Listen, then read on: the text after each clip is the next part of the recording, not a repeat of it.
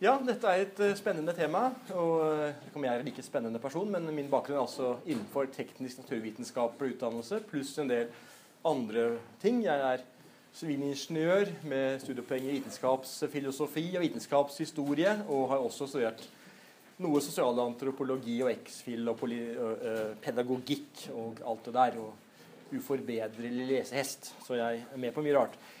Jeg har da en, Noen mennesker er sånn at de er veldig redde for naturvitenskap, mens andre er veldig sånn ærbødige. Så jeg er litt mer sånn, tenker at naturvitenskap det er greit og viktig og bra. og Spennende alt det der. Men det er ikke det samme som sannheten er lik naturvitenskapen. Så la oss forsøke å ha et litt nøkternt forhold til naturvitenskapen, samtidig som vi trenger å se på hva som blir sagt om den, og hva som blir sagt om ting som tro og vitenskap. Og Jeg har åpnet nummer første foil hvor det står 'Vi kan ikke tro'. Og det er jo hørtes jo skummelt ut her på, på i Grimstad. Eh, eh, men det vi ikke kan tro på, er altså myter om tro og vitenskap. Så det er et, en viktig presisering.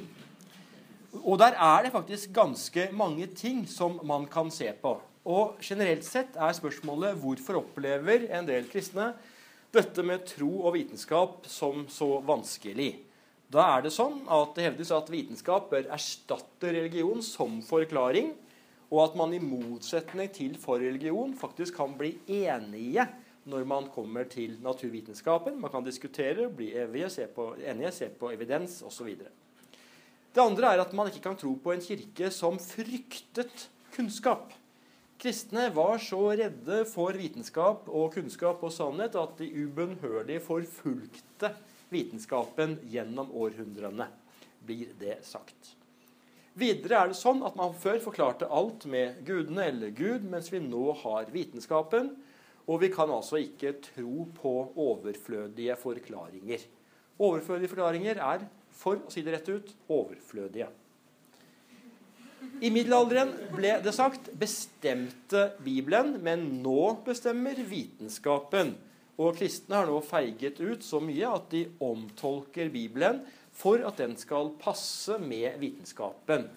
Og ikke nok med det, som selgerne sier.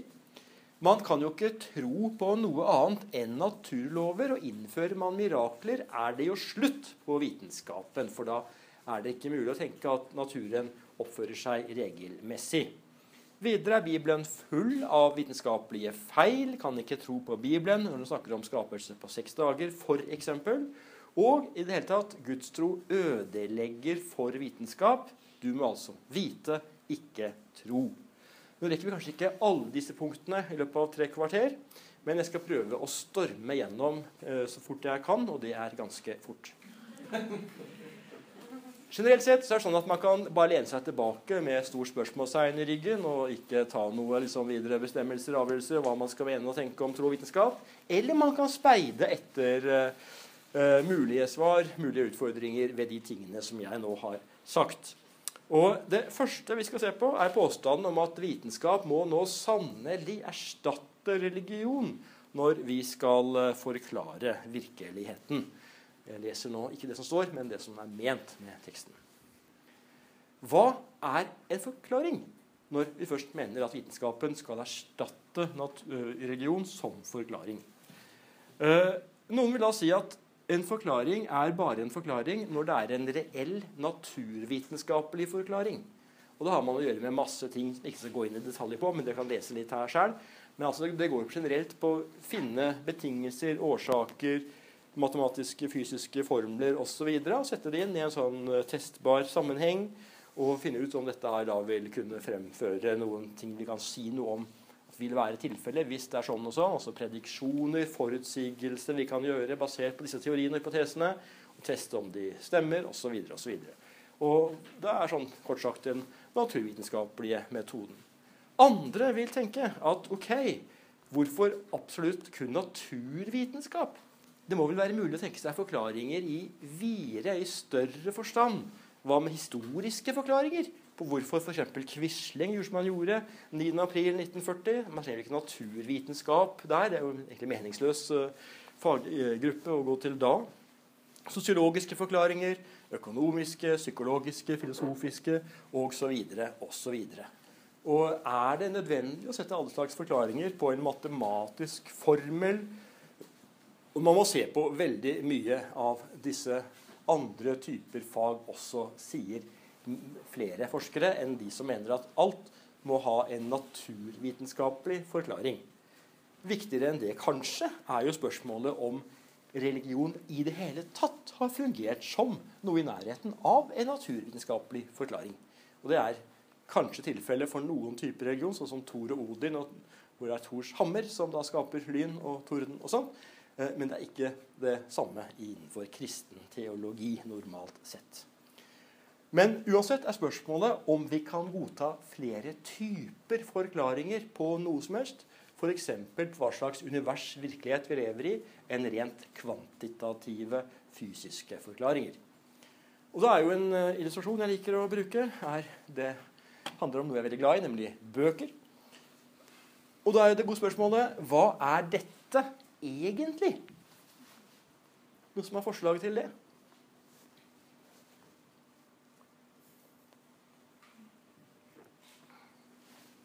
Dere aner har ikke sett noe sånt? Ja? Nei? Vær så god. Hva sa du?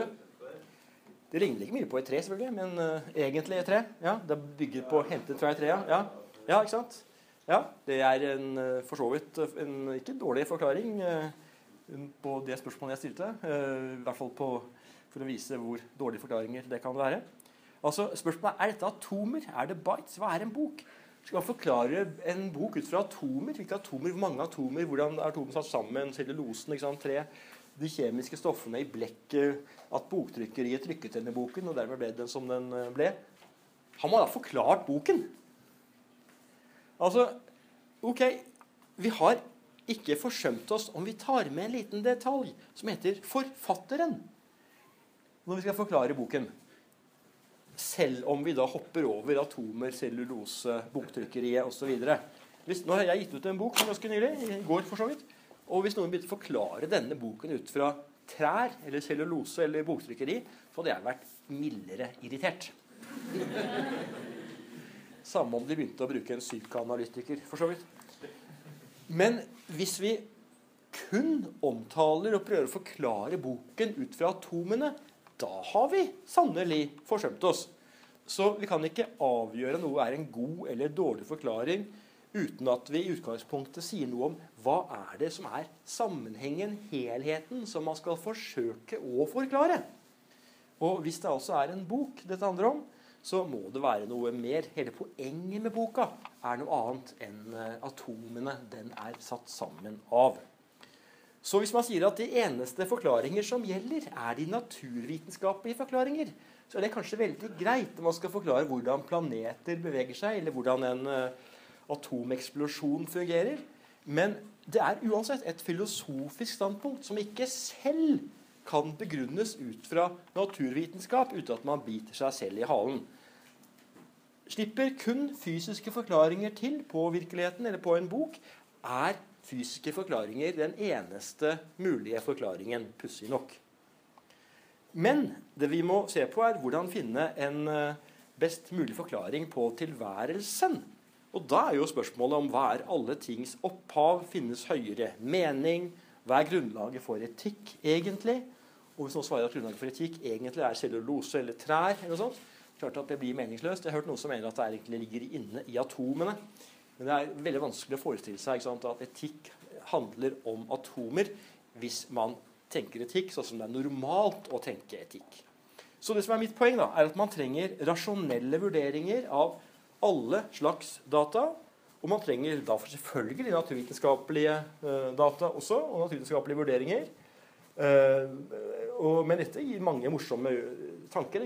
Hvorfor er det sånn at naturvitenskap faktisk er mulig? Hvorfor er beskrivelser av virkeligheten så tett forbundet med veldig logiske, matematiske modeller? Uh, som er veldig elegante og alt det der.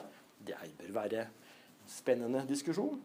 Men også historiske data. Hva kan vi si om Jesu påstander som kommer lenger ned der, om mirakler, Jesu oppstandelse, kirkens fremvekst osv. Personlige erfaringer, mellommenneskelige forhold og veldig mange typer data. Og Poenget mitt er at hvis man på alle disse områdene skal holde seg til naturvitenskap, eller si at summen av disse dataene når vi skal si noe om tilværelsen, må være en fysisk forklaring.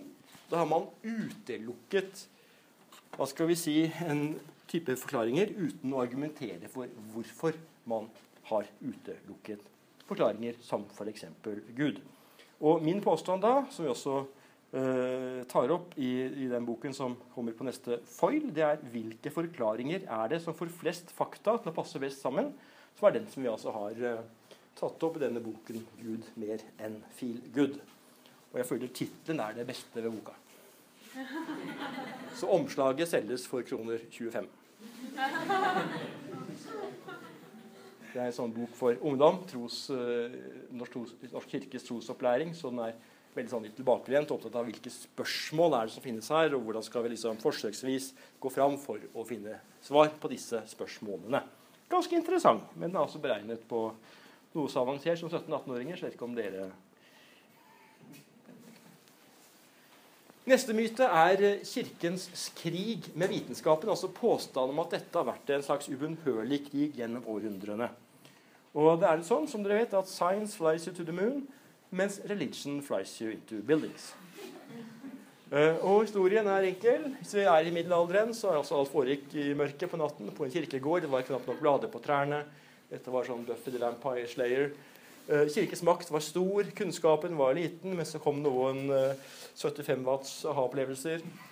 Og dette, disse sant, vokste, og dermed så avtok Kirkens makt. Og vips har vi det moderne samfunn, hvor Kirkens makt heldigvis er liten fordi kunnskapen heldigvis er stor. Kjenner dere igjen dette bildet? Dette er på mange måter det moderne menneskets eh, skapelsesberetning.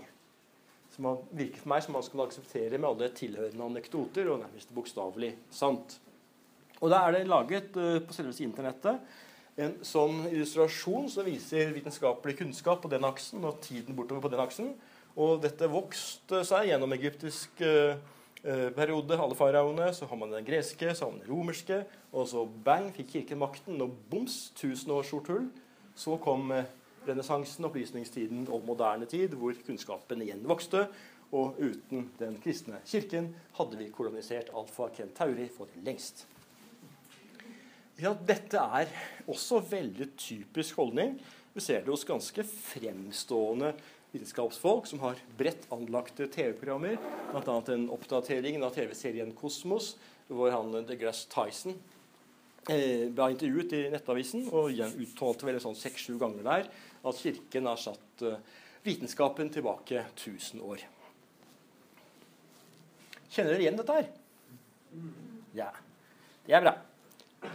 Dette er, det er kanskje ikke fra FET-skolen, men et eksempel da, på sånn eh, pedagogisk side på Internett, hvor man kommer med faktaopplysninger om uh, ulike forhold. Her har vi om de store oppdagerne. Columbus, Magellan, Marco Polo og Vasco da Gama. Som det står, reiste fra Lisboa, og vi skjønner det er oversatt fra engelsk, til Calcut. Uh, Calcutta. Og da står det her at han, som de alle andre, trodde jorda var flat. Hva tenker dere når dere leser sånt?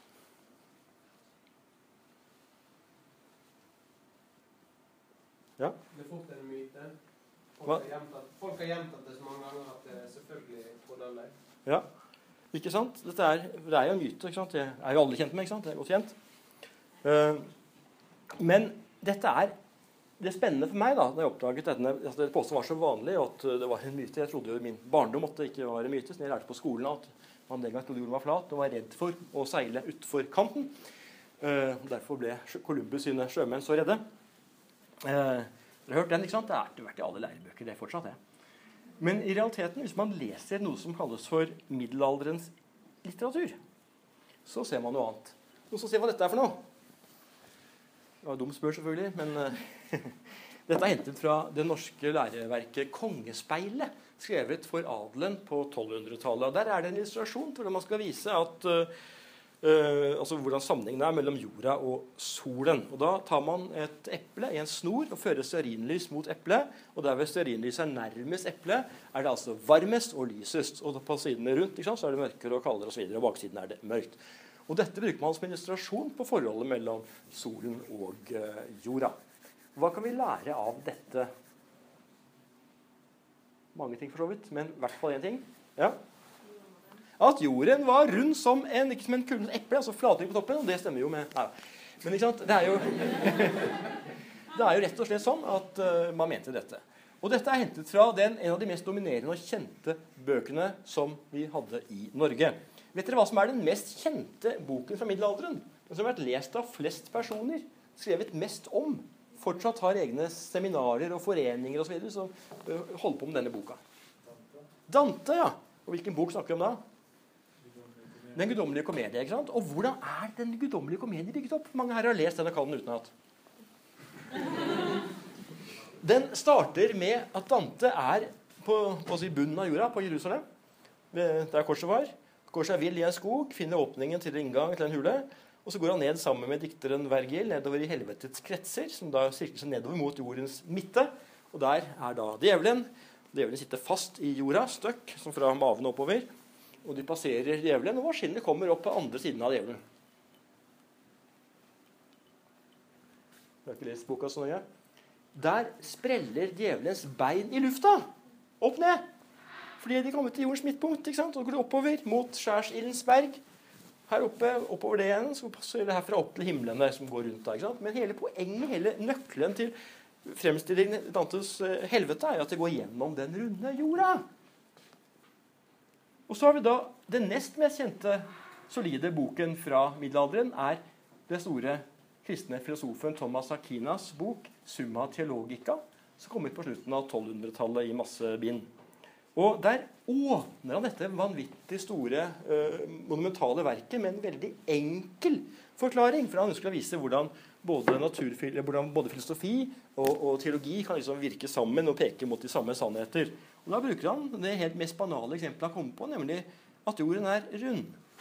Vitenskaper skiller seg fra hverandre ved ulike metoder for å få kunnskap. og En av de første setninger omtrent i Summa Teologica. Astronomen og fysikeren kan begge bevise den samme konklusjonen som at jorden er rund. Astronomen ved matematikk, fysikeren ut fra materiens natur. Du ser nå altså at i tre av de mest kjente verkene fra middelalderen er det hevet over enhver tvil at det var en selvfølge av en annen verden at man mente jorden var en rund kule. Hvordan i all verden har det da skjedd at vi, de aller fleste av oss, i generasjoner har blitt opplært i å tro at man i middelalderen, og med Kirken i spissen, mente jorden var flat, og Kirken til og med da fordømte og brant på bålet de som mente at jorden var rund. Hva er det som har skjedd her?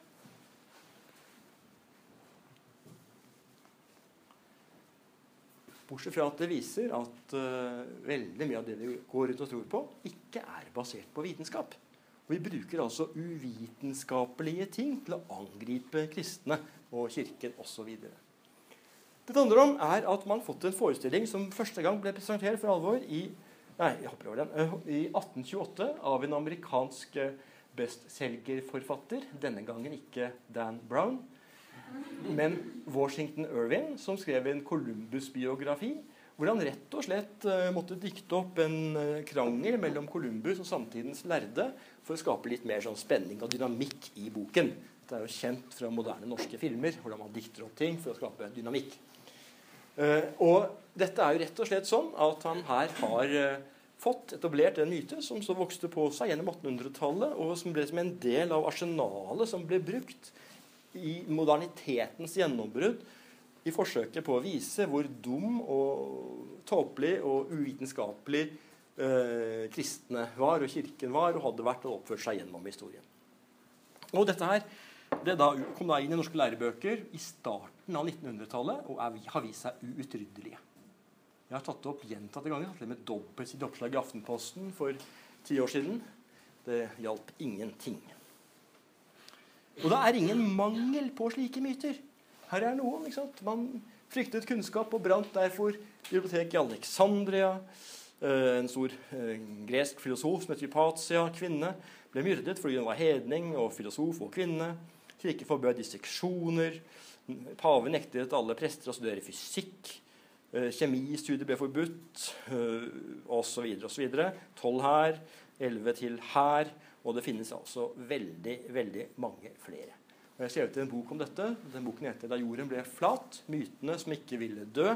Den finnes på bokbordet for de som måtte ha interesse av sånne temaer. Men altså, Nå kan man si at noen av mytene har noe med sannheten å gjøre, men som et grunntrekk så er fryktelig mye at det er sånn feil. Så sjekk sånne påstander når dere møter dem, selv om de kan høres sanne ut. Ok, vi stormer videre. Før trodde man på Gud eller gudene, men nå tror vi på naturlover, og dermed er Gud blitt overflødig. Hva tenker dere om det? Høres det riktig ut? Møter dere noen som sier dette til dere i diskusjoner eller samtaler?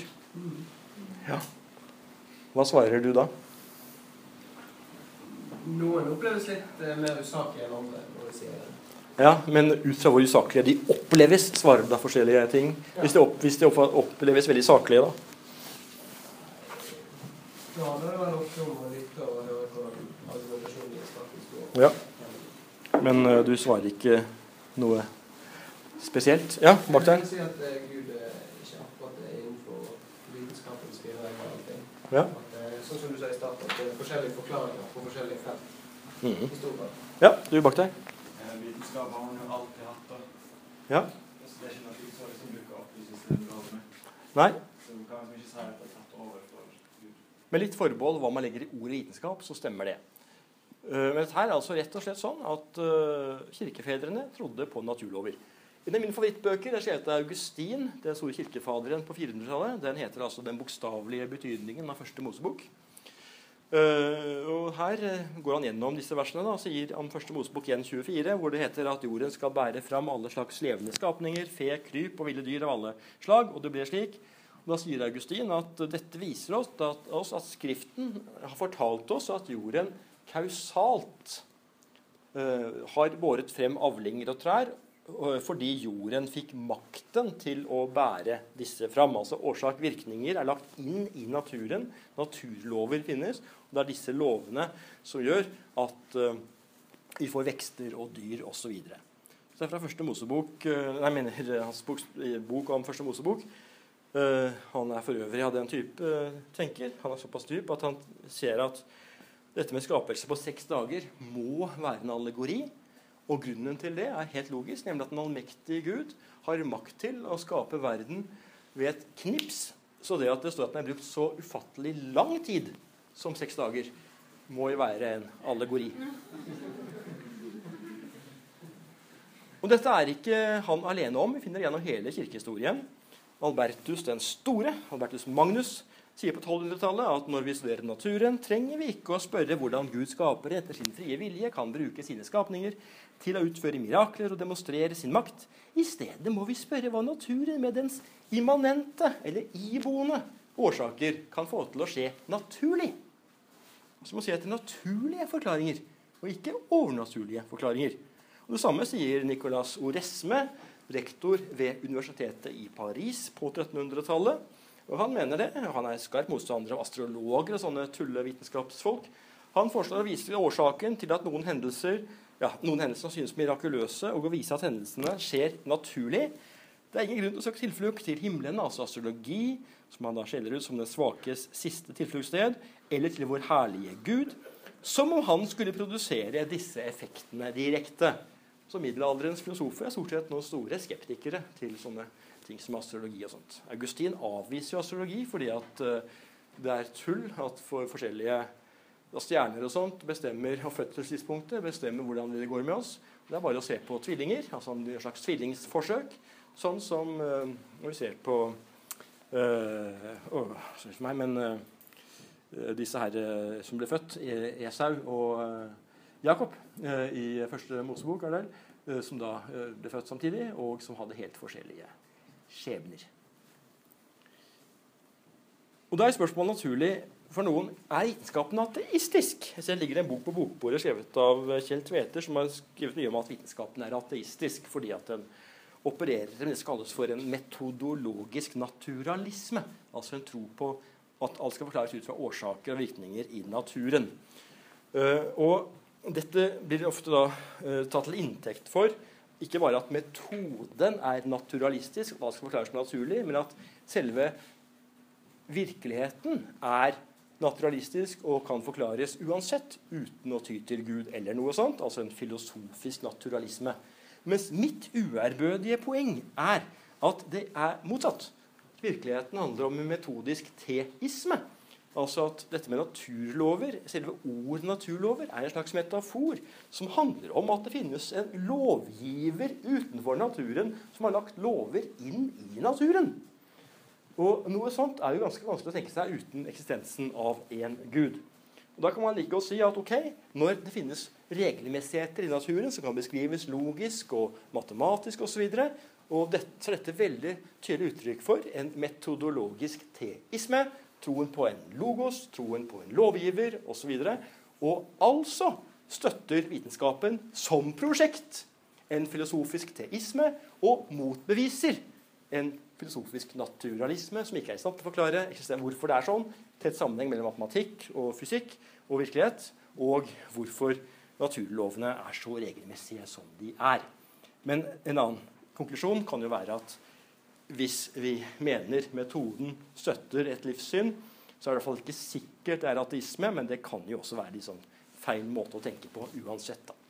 Men jeg mener at som kristne skal vi ikke tenke at vitenskapen er ateistisk. Tvert imot mener jeg at vi skal tenke at den er teistisk. For det vokste fram fra en kultur som trodde på eksistensen av en gud utenfor skaperverket. Én kultur, var det egentlig flere. Både den helenistiske på 300-tallet før Kristus, når de klarte å frigjøre seg blant filosofene fra flerguderiet, politismen, og gikk over til troen på én gud bak det hele, så begynte naturvitenskapene å vokse fram. Og de fikk gode vilkår i antikken og blant kristne og blant muslimer og blant kristne i middelalderen osv. Og, så og hele prosjektet er på mange måter drevet fram av en tro på en rasjonell gud utenfor skaperverket, som har skapt oss i sitt bilde til å etterprøve Guds handlinger i naturen og bruke logikk og fornuft til å finne ut av hvordan tingene egentlig henger sammen. Oi, det var en, lang setning. Tredje myte når vi nå stormer videre, det er at i middelalderen gjaldt Bibelen som urokkelig naturvitenskap. Og Dette er da støttet av flere TV-programmer, bl.a. en TV-serie om kristendommens historie, sendt på NRK i 2011. Og Der ble det påstått at i over 1500 år var Bibelen primærkilden til kunnskap. Men i det 17. århundre begynte en vitenskapelig revolusjon å utfordre det kristne synet på verden. Dette er da støttet av Terje Nordby i det mest eh, altså det, det andagsprogrammet som man hører mest på på NRK, nemlig Mytekalenderen. Og Der blir det hevdet at Bibelen gjaldt som urokkelig naturvitenskap i middelalderen, og alle tilløp til innvendinger ble brutalt slått ned. Så da er jo spørsmålet, ikke sant? Stemmer det sånn at man før året 1859 kan lure veldig hvorfor jeg nevner det året, så gjaldt det at Bibelen var sann, mens vitenskapen derfor måtte omtolkes. Mens det etter Darwin gjaldt at vitenskapen var sann, og dermed så måtte eh, Bibelen omtolkes. Dette er en liksom, klassisk eh, måte å fremstille eh, forholdet mellom Bibel og vitenskap og gjennom historien. At Darwin ga liksom, troen på at Bibelen skulle bestemme, eh, et eh, støt for baugen, som det vil hete på Sørlandet. Er dette realiteten? Nei, ikke helt. Og det er spørsmålet mitt. Eh, kommer stadig med sånne spørsmål. Retoriske, som de kalles. Hva gjaldt som urokkelig vitenskap i middelalderen?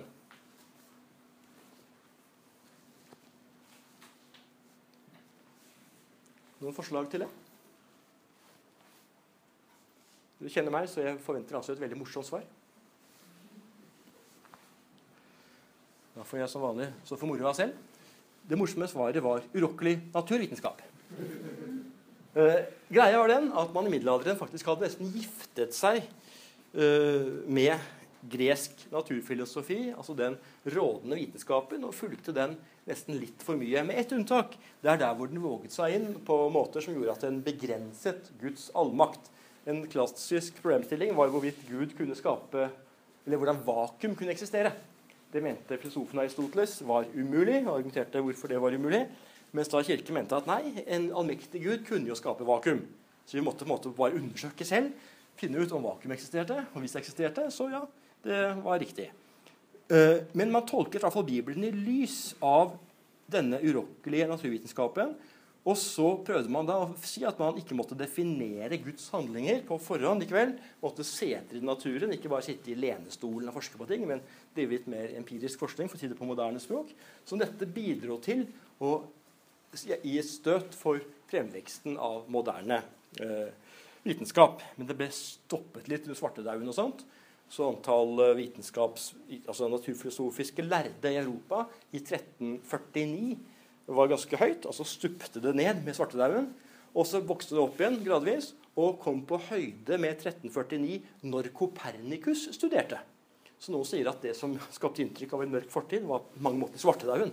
Slik at liksom det stablet møysommelig på beina igjen etter at det hadde vært veldig bra gjennom eh, mange hundre år med universitetene innen svartedauden, og så kom det på banen igjen på slutten av 1400-tallet. Men da er min uærbødige påstand at fortellingen egentlig er motsatt. Før 1859 var hovedtyngden av klassisk kristen tenkning sånn at vitenskapen var sann, og derfor måtte Bibelen omtolkes. Mens det etter Darwin vokste fra motbevegelser, protestbevegelser, sånn som kreasjonister osv., så, videre, så hevdet veldig sterkt at siden Bibelen var sann, måtte vitenskapen omtolkes.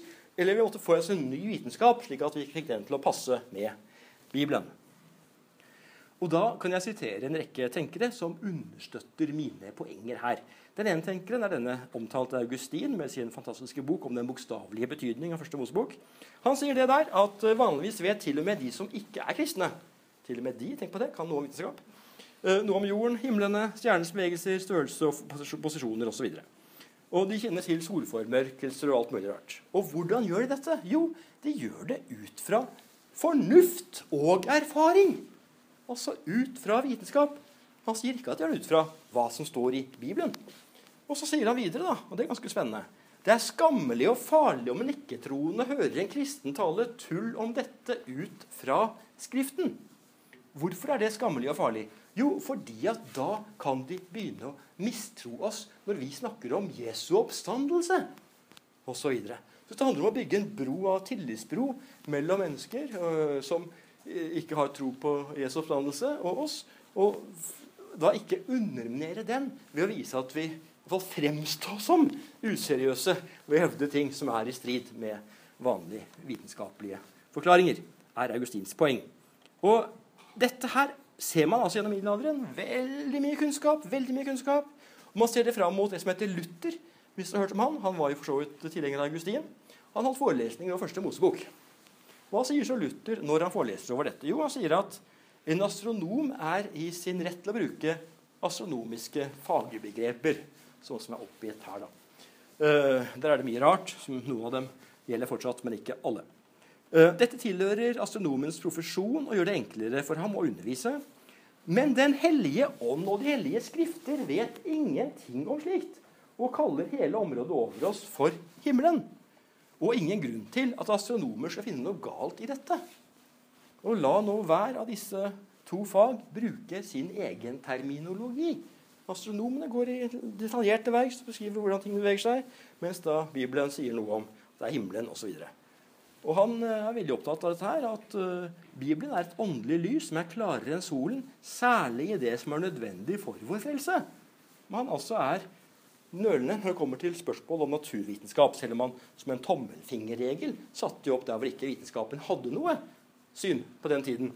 Bibelen som liksom det er ment det gjaldt. Uh, og en annen uh, tenker, som heller ikke oppfattes som en liberal teolog, nemlig Calvin, han sier det at det er feil å ta første Mosebok, som forteller altså om, om solen og månen som de største lysene på himmelen, som vitenskap. Fordi det rett og slett er sånn at Saturn pga. sin store avstand til jorden da, synes å være det minste av alle. Men i realiteten er denne planeten større enn månen. Og det som er beskrevet i første Mosebok, handler bare om hvordan verden ser ut til å være. Den som vil lære seg astronomi og andre vanskelige kunster, må gå andre steder. Fordi Bibelen rett og slett handler ikke om vitenskap, men om hverdagsspråket. Det vi kan se fra jorden. Det er ikke interessant liksom, for Det hellige skrift å si noe om ting som man kan finne ut av ved naturvitenskap. Det er ikke det som er greia. Gud tilpasser seg til noe som alle mennesker kan se til alle tider, som de lever i jungelen eller i Genéve eller noe så rart som i Grimstad. Og, sier Calvin, det er også mulig med vitenskapelige feil i Bibelen. Han mener at Matteus blandet en komet og en stjerne i juleevangeliet, f.eks. At det ikke var en stjerne, men en komet. Og at Gud uansett tilpasset Bibelen til vår forståelse. Så mitt poeng er det at vi må ikke bli mer katolske enn paven. Vi må ikke bli mer lutheranske enn Luther. Vi må ikke bli mer kalvinske enn Calvin. Vi må ikke bli mer bibeltroende enn de bibeltroende! Lenge før Darwin. For hva er, grenser for hvor bibeltroende vi skal være, mener jeg, da. Så kommer da fjerde myte. Oi, perspektiv igjen. Dere holder ut. Jeg gjør det ikke, men dere gjør det. Det er bra. Eh, man kan ikke tro på Bibelen fordi den strider med naturvitenskapen. Eh, ja, la oss nå se litt på dette her. Eh, og litt sånn tilbake til et annet tema for så vidt med en gang. Vet dere noe om hvordan Gud handler? La oss nå tenke oss en kjent historie. Israelsfolket er på vei ut av Egypt. Far og soldater nærmer seg bakfra. De kommer til bredden av Sivsjøen. Moses løfter staven. Hva skjer?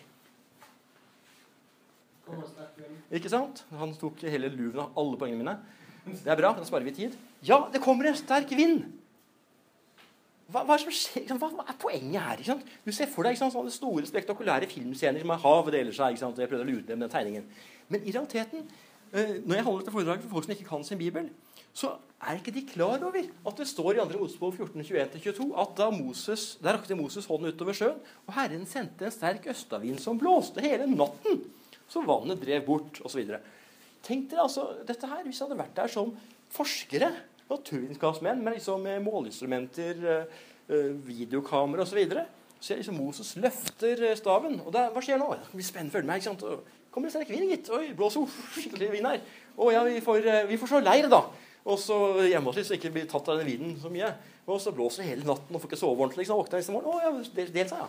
Altså En fullstendig naturlig forklaring. Dette er det mest spektakulære miraklet vi ser i Det gamle testamentet. Det er en totalt naturlig forklaring, også i parallell.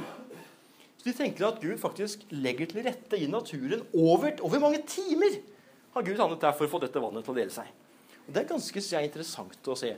Og Så leser man i salmene andre steder at på den dagen Gud skilte vannet, så kan man tro man leser salmene at dette skjedde med en gang. Men leser man denne teksten, ser man at det skjedde over mange timer.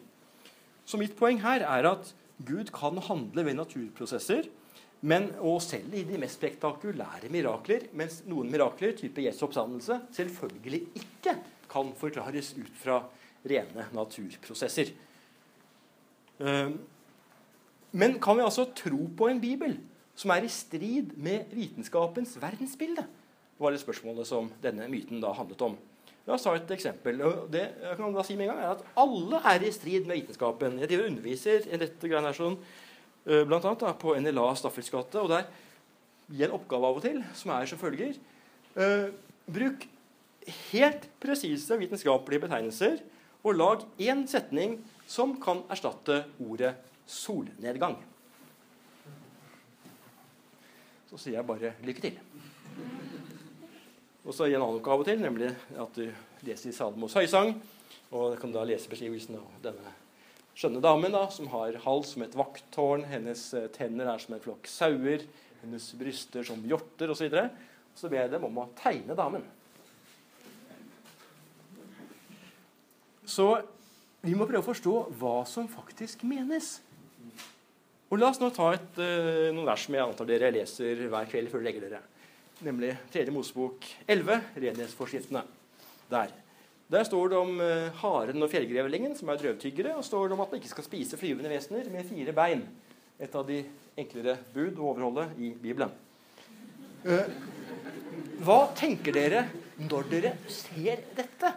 Er det altså slik at Gud stryker i biologi?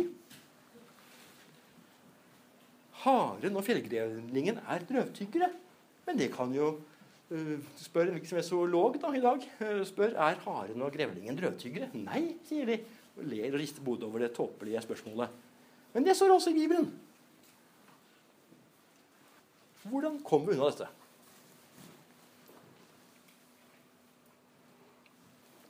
Ingen som føler seg kallet til å forsvare Bibelen på en apologetisk konferanse på Bibelskolen i Grimstad? Ja. Og har vel tatt utgangspunkt i det verdensbildet man hadde den gangen. Hva tenker du når du sier det på den måten? Ta for eksempel eh, et annet eksempel med de fire søylene. Ja. Jorda står på fire søyler. Det er babylonsk verdensbilde. ja. Men jeg tror det er mye enklere enn som så. Altså, hva i all verden er drøvtygging? Hva i all verden er drøvtygging? Er det noe som er gitt en gang for alle? Det handler jo bare om hvordan vi definerer ordet drøvtygging. Og drøvtygging er jo definert som vi bruker det i dag på 1700-tallet eller noe sånt.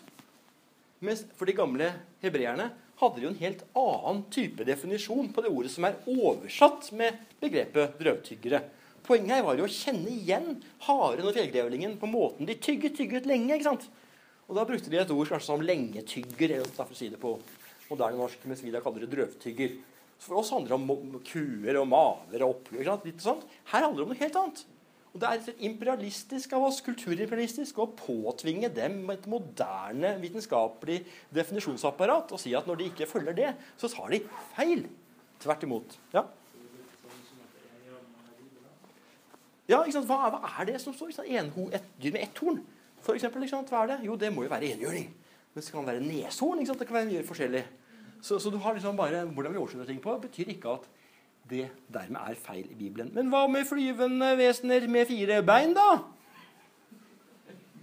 Telte de på en annen måte i gamle dager, eller hva er greia? Oppfant vi tallene i nyere tid, eller hva er opplegget? Nei, det handler om å, å rett og slett uh, uh, lese resten av verset. For det står videre i 1121 at de ovenfor føttene har leggbein til å hoppe på marken med. Altså til sammen seks bein. Og da kan man anta at det handler om gresshopper. Og nå sier jo ikke jeg at det ikke er ting i Bibelen som det er mulig eller opplagt eh, å si at er vitenskapelig feil. Det er sånn som om Saturn eller månen er det større lyset på himmelen osv. det er den største planeten. eh, Eller største himmellegeme. Men uansett så er det sånn at vi må prøve å forstå disse tingene sånn som de opprinnelig er ment, og ikke dytte våre definisjoner ned eh, over dem og lese versene som de står. Det står i Forkynneren 1.5 at solen går opp og solen går ned. Så skynder den seg tilbake til stedet der den går opp. Og dette lærer vi da av moderne kristen eh, astronomi, at solen går raskere om natten. Er det sånn? Nei, det er jo ikke sånn. Det er ment som et sånn trøstevers at ikke vær redd, snart blir det morgen. Og det du nevnte med søylene For jordens søyler hører Herren til. Han bygde verden opp på dem. Hva betyr det, da? Betyr at verden står bokstavelig talt på fire søyler. Jeg kan ikke se bort fra at de kan ha ment det, men poenget var at dette sto støtt. Det var liksom ikke, liksom, ikke være for redd for jordskjelv osv. Søylene vakler er som lamslått, står det i jobb. Ikke sant? Det er tydeligvis noen metaforiske, poetiske bilder. Så hele greia her er at Bibelen er ikke naturvitenskap, og i hvert fall ikke moderne naturvitenskap. Det er Guds budskap til oss. Det deler forfatterens opplevelse og deres verdensbilder til en viss grad. Og det som står i 1. Timoteus 3,16, et av mange som 3,16-15 vers er glad i Hver bok i Skriften er innblåst av Gud og nyttig til opplæring, tilrettevisning, veiledning oppdragelse rettferd, så det mennesket som tilhører Gud, kan være fullt utrustet til all god gjerning. Så ikke at Bibelen er innblåst av Gud og nyttig til naturvitenskapelige studier og defin presise definisjoner av drøvtygging osv. Det står ikke det. Så har la oss ha litt mavemål. Da tror jeg vi runder av der, siden klokken er blitt kvart over. Takk for meg.